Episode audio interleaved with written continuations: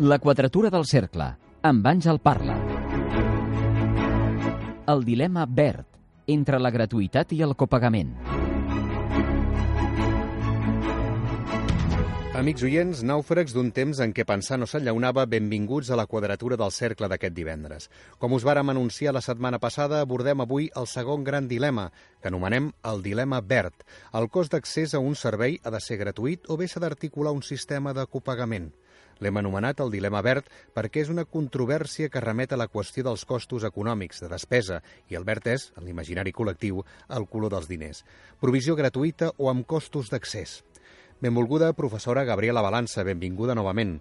Com l'altra vegada, ens interessaria que ens plantegés una panoràmica general i per introduir la temàtica sobre la qüestió del cost cal exigir una compensació econòmica als usuaris o beneficiaris d'un servei per poder-hi accedir. Moltes gràcies novament per la invitació. Es tracta d'una pregunta que cada vegada té més presència en l'arena pública i no només en els debats entre polítics i tècnics. Les dificultats financeres que travessen els estats de benestar, especialment en els darrers anys de crisi econòmica, i les mesures de contenció del dèficit públic han situat el finançament d'aquestes polítiques com un problema polític de primer ordre. Molts polítics es pregunten com continuar prestant polítiques amb menys despesa pública.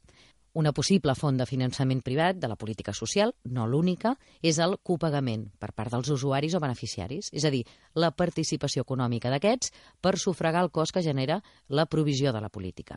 Val a dir, per situar la problemàtica, que en termes generals el copagament de determinats béns i serveis no cota l'ús. I com més intens és el copagament, menys equitatiu és l'accés. I això menyscava la funció redistribuïdora de la política social. Per això el copagament tendeix a comportar la prevalència de la desigualtat social. Però no vull posicionar-me al voltant de la controvèrsia. Defensar o criticar el copagament correspon als meus col·legues. Vull dir, això sí, que l'accés als drets bàsics, com ja vam apuntar la setmana passada amb el dret a l'educació o amb el dret a la salut, la universalitat i la gratuïtat acostumen a estar relacionades. S'inspiren en els mateixos principis i comparteixen objectius. Bàsicament, la voluntat de democratitzar l'accés i de garantir que tothom que en tingui necessitat hi accedeixi. Ara bé, a mesura que ens allunyem de les polítiques nuclears de l'estat del benestar, aquesta associació es difumina i és més fàcil trobar polítiques que requereixin als usuaris o beneficiaris assumir part del cost i participar en el finançament de la prestació. Entenc, doncs, que acostumem a tenir gratuïtat per les polítiques centrals de benestar i copagament per les polítiques que podríem anomenar més perifèriques. I quines són les formes en què s'articulen les polítiques de copagament? El copagament més habitual està condicionat a l'ús real que es fa dels serveis, tot cobrant-ne determinades quotes. Qui usa un determinat servei, paga. El copagament, però, també pot aplicar-se d'altres maneres. Per exemple, per l'ús potencial que se'n pot fer.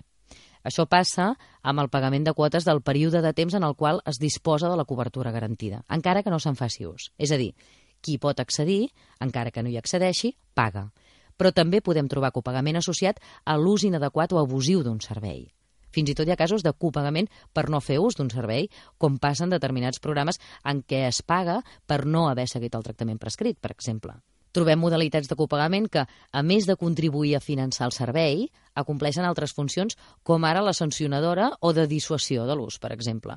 El famós cas de l'euro per recepta volia complir aquesta funció dissuasiva i no, o no només, recaptatòria. I tothom que paga, paga per igual? No necessàriament. El copagament pot ser universal i igual per a qualsevol ús, o pot estar condicionat a un ús més o menys intensiu o als resultats que se n'obtinguin més o menys positius.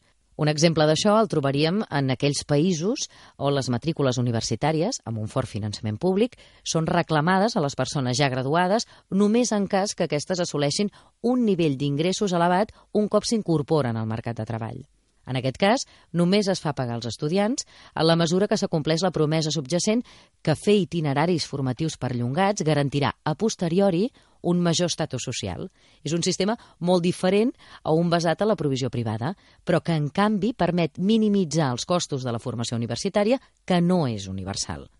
També hi ha copagaments vinculats al perfil socioeconòmic de la població que en fa ús. La idea de fons és condicionar el copagament el nivell de renda familiar per evitar que aquesta participació econòmica generi desigualtats a l'accés. Els sistemes de tarifació social per accedir a determinats serveis públics en són l'exemple paradigmàtic. Moltes gràcies, doctora Balança. Veiem que la casuística és prou diversa.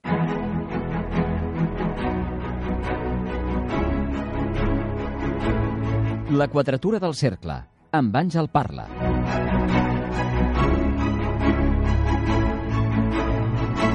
Davant d'aquest panorama general, toca ara entrar en la controvèrsia sobre les fortaleses de la gratuïtat o del copagament. Hem convidat altra vegada el doctor David Ezquerro i a la doctora Assumpta Plata perquè ens comentin per torns els aspectes positius del model de gratuïtat i de copagament. Doctor Ezquerro, bon dia. És un plaer tornar-lo a tenir aquí. Li toca defensar les virtuts de l'accés gratuït als serveis públics. Quins són els principals arguments per defensar aquesta modalitat d'accés? Bé, espero estar a l'alçada de la solidesa dels arguments de la meva col·lega, que la setmana passada va detectar de manera molt incisiva els interessos no reconeguts d'una part de la ciutadania, de defensar una universalitat de la qual podem fer un ús privilegiat. És una qüestió que, sens dubte, ha de fer reflexionar aquells que, com jo, defensem una provisió universal i també gratuïta.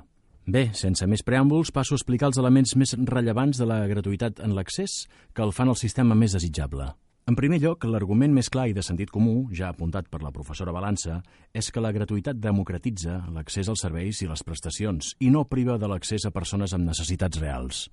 El copagament, en canvi, genera iniquitats en l'accés, sigui perquè perjudica més a la població que té més dificultats per assumir-ne el cost, sigui perquè pot penalitzar més aquells que tenen més necessitat d'accés i que sovint també són els col·lectius socials més vulnerables. Passa amb la gent gran, que té més necessitat d'accedir al sistema sanitari, o bé amb els infants, que empren més recursos educatius. Per tant, el copagament pot perjudicar més a la població que té necessitat real d'una determinada política social que la que no en té, i n'afecta negativament l'efectivitat. En segon lloc, la necessitat social que percebem, com també la sensació de benestar, té un fort component subjectiu, que, al seu torn, pot estar condicionat per qüestions com l'origen social o la riquesa. La gratuïtat impedeix que el cost intercedeixi en la percepció de necessitat, i això tendeix a protegir la població més pobra. La població socialment menys afavorida, quan ha d'accedir a un servei amb cost, situa el seu llindar de necessitat subjectivament percebuda més amunt que la població afavorida. Això fa que la demanda d'accés a un determinat servei amb copagament acabi beneficiant aquells que més recursos tenen i que en poden fer un ús ordinari, mentre que la població desfavorida n'acaba reservant l'ús per a situacions extraordinàries. I en tercer lloc destacaria que el copagament és una mesura regressiva. El cost del copagament és molt major en termes relatius als ingressos disponibles, com més pobre s'és. D'aquesta forma, el copagament atenta contra la concepció progressiva de les polítiques fiscals que sustenten les polítiques socials. En canvi, la gratuïtat respecta la concepció progressiva del sistema, perquè l'esforç fiscal que realitza la població benestant per finançar els serveis públics és més elevat. Doncs moltes gràcies per l'esforç de síntesi, doctor Ezquerro. Vostè destaca les inequitats que genera el copagament, barreres d'accés als serveis per als més pobres, interferència desigual a la percepció que podem tenir de necessitat i mesura regressiva. Doctora Plata, Ara és el seu torn. Eh, què ens ha de dir sobre els avantatges del copagament? Moltes gràcies, Àngel, i moltes gràcies també al professor David Ezquerro per les amables paraules i per fer una cosa que no és freqüent ni en l'àmbit acadèmic ni en l'àmbit polític, que és admetre les fortaleses de l'altra part. En qualsevol cas, i com que em correspon el primer torn de rèplica, permetin-me respondre a alguns dels punts forts que ha desenvolupat el meu col·lega i també la doctora Balança. És possible que, com afirmen, la gratuïtat sigui un mecanisme democratitzador. Ara bé, el reconeixement del dret a la gratuïtat en l'accés a un determinat servei no impedeix que existeixin altres mecanismes per cofinançar la prestació del servei a través dels usuaris que acaben sent modalitats de copagament indirectes o encobertes. És a dir, com a primer punt, destacaria que la gratuïtat teòrica no garanteix la gratuïtat real. El dret a l'educació bàsica gratuïta o el dret a la sanitat gratuïta, per exemple, no han impedit que l'escolarització també estigui sotmesa a quotes per cobrir les despeses dels llibres de text, el material escolar o de determinades activitats escolars, o que l'assistència sanitària passi per pagaments dels medicaments i de determinats serveis. Existeixen llims legals al voltant del dret a la gratuïtat i no sempre està clar què inclou i què no inclou. Més val un copagament explícit que no pas aquests mecanismes invisibles i, per tant, menys presents en l'agenda política. Això exemplificaria com a vegades, darrere la gratuïtat, també s'hi pot ocultar una lògica regressiva. D'altra banda, també destacaria com a punt fort que la incorporació d'una quota en l'accés als serveis públics pot afavorir la valoració del servei per part de l'usuari i l'exigència de més qualitat. Això acaba revertint positivament en el funcionament d'aquest servei perquè, entre altres aspectes, els professionals han de rendir comptes amb els usuaris que n'assumeixen una part del cost. Més enllà d'això, un altre punt fort seria que el copagament respon a la voluntat de garantir la corresponsabilitat de qui utilitza el servei en el seu finançament. La gratuïtat pot generar un sentiment d'injustícia per part d'aquells que no hi accedeixen de vegades perquè no poden per manca de places suficients, però que també financen els serveis a través dels seus impostos. A l'hora de defensar el copagament, miro de tenir ben present que les conseqüències positives o negatives del copagament depenen de múltiples factors, també del disseny previst. És a dir, que hi hagi copagament no significa que tothom pagui igual, com ja ha advertit la doctora Balança en la seva introducció. Per tant, també destacaria com a punt fort que hi ha sistemes de copagament que combinen un cost ponderat per la capacitat econòmica de les persones i que discriminen positivament els col·lectius que es poden veure més afectats per aquesta mesura. Ja s'ha fet esment anteriorment a la tarificació social, però també es poden esmentar les bonificacions per determinats col·lectius el copagament no necessàriament comporta inequitats en l'accés. L'exemple dels sistemes universitaris que ha posat sobre la taula la professora Balança n'és un magnífic exemple. El doctor Ezquerro posava l'accent en les inequitats i vostè ens assenyala com a fortaleses del copagament les millores per la qualitat dels serveis i de la corresponsabilitat de qui en fa ús. I ens afegeix que ni la gratuïtat és necessàriament gratuïta en la realitat ni que el copagament genera necessàriament desigualtats. D'acord. I a nivell econòmic, què comporta el copagament, doctora Plata? La principal raó per defensar el copagament, la més clara, és també la més evident de totes. En termes globals, el copagament contribueix a cofinançar les prestacions públiques públiques, especialment en un context de dificultats pressupostàries per mantenir el sistema de benestar vigent. El copagament promou la sostenibilitat financera dels serveis públics, mentre que la gratuïtat pot fer-se en ocasions insostenible en el temps. I, en segon lloc, el copagament comporta integrar mecanismes d'estímul característics de la racionalitat econòmica en el sector públic i si es fa de forma raonada pot ser molt positiu. El preu actua com a regulador de l'ús, especialment perquè els incentius per la utilització d'un determinat servei varien en funció dels costos d'accés i perquè facilita que s'hi accedeixi quan se'n té realment necessitat. Més enllà de matisos, el copagament dissuadeix les persones que utilitzen els serveis de manera abusiva, més enllà de la necessitat objectiva que tenen.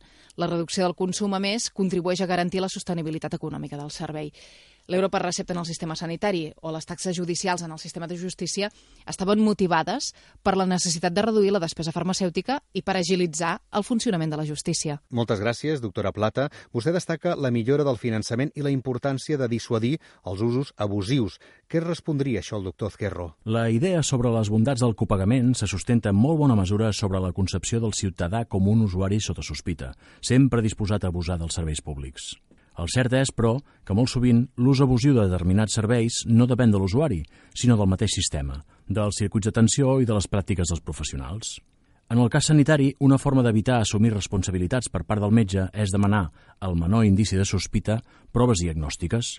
No seré jo qui critiqui que se'n facin tantes com siguin necessàries de proves diagnòstiques, però és tant o més fàcil localitzar aquí usos abusius que en les pràctiques dels usuaris. En qualsevol cas, el que volia dir és que per dissuadir el mal ús es trasllada aquesta responsabilitat en l'usuari i això és una cosa sovint improcedent. D'altra banda, també destacaria que, si bé sembla indiscutible que el copagament implica una reducció de cost per als poders públics, és més discutible del que sembla. Per exemple, l'ús abusiu dels serveis públics que es pretén dissuadir amb el copagament és menys freqüent del que es pensa. I la dissuasió de l'ús, quan es produeix, afecta també a usos apropiats i efectius i no només els que no ho són. Això fa que la disminució pugui generar conseqüències adverses no desitjades que, al seu torn, generen noves necessitats de despesa pública, sovint majors. Reprenent l'exemple de la salut, dissuadir un ús preventiu correcte de l'atenció primària o ambulatòria pot comportar un ús molt més costós a mig termini en atenció especialitzada o hospitalària. A més, també destacaria que el copagament és també menys efectiu del que sembla per reduir els usos abusius als serveis públics quan s'imposen en uns serveis i no en d'altres. Existeixen evidències que, per atendre una mateixa necessitat, l'accés es trasllada dels serveis a un copagament cap als serveis gratuïts. Per exemple, la imposició del copagament als serveis d'atenció primària provoca un increment de l'ús dels serveis d'urgència o dels serveis d'atenció especialitzada, que, altrament, són més cars. La incorporació del copagament, doncs, distorsiona el normal funcionament dels circuits d'atenció, la gratuïtat, en canvi, no. De fet, vostè destacava aquesta relació entre copagament i dissuasió de l'ús abusiu com a debilitat, mentre que la senyora Plata considerava la dissuasió de l'ús abusiu com a fortalesa del copagament. Si em permet, Àngel, voldria dir que bona part dels arguments que ha exposat el doctor Ezquerro són molt sòlids i segurament fan que s'hagi de mesurar molt bé quan les polítiques d'accés selectives i les de copagament són efectivament eficients. Val a dir que el marc d'un programa com aquest, de durada acotada, no permet entrar en el matís que de ben segur ens permetria arribar a algun consens. Em permet, Àngel? Sí, tant, digui, digui. Volia afegir simplement que no em sembla estrany que els arguments exposats pel doctor Ezquerro i la doctora Plata semblin sovint contradictoris, tot i que tècnicament fonamentats. Precisament, això ens porta al que vàrem parlar durant el primer programa, recordiu, que les polítiques socials no són neutres i que la concepció de la política social que pot tenir el doctor Ezquerro i la doctora Plata, com qualsevol de nosaltres, és segurament diferent, com també ho són els punts de partida, les prioritats i els objectius que ells es plantegen quan es posicionen a favor d'una determinada opció de política social. La política social és complexa i tots els plantejaments tenen fortaleses i debilitats. Els partidaris i detractors de cada plantejament posen en valor fortaleses i debilitats d'acord amb la seva manera d'entendre el món la societat i la política social. Gràcies per aquesta darrera aportació, doctora Balança. Moltes gràcies a tots tres per aquesta nova lliçó sintètica, però ben reveladora, dels dilemes de les polítiques socials. Els emplaço a tornar la setmana vinent, aquesta vegada per començar a abordar els dilemes vinculats a la provisió dels serveis. Benvolguts oients, una vegada més, realitats complexes que ens interroguen i punts de vista diferents que persegueixen... La quadratura del cercle. Que tinguin una bona setmana.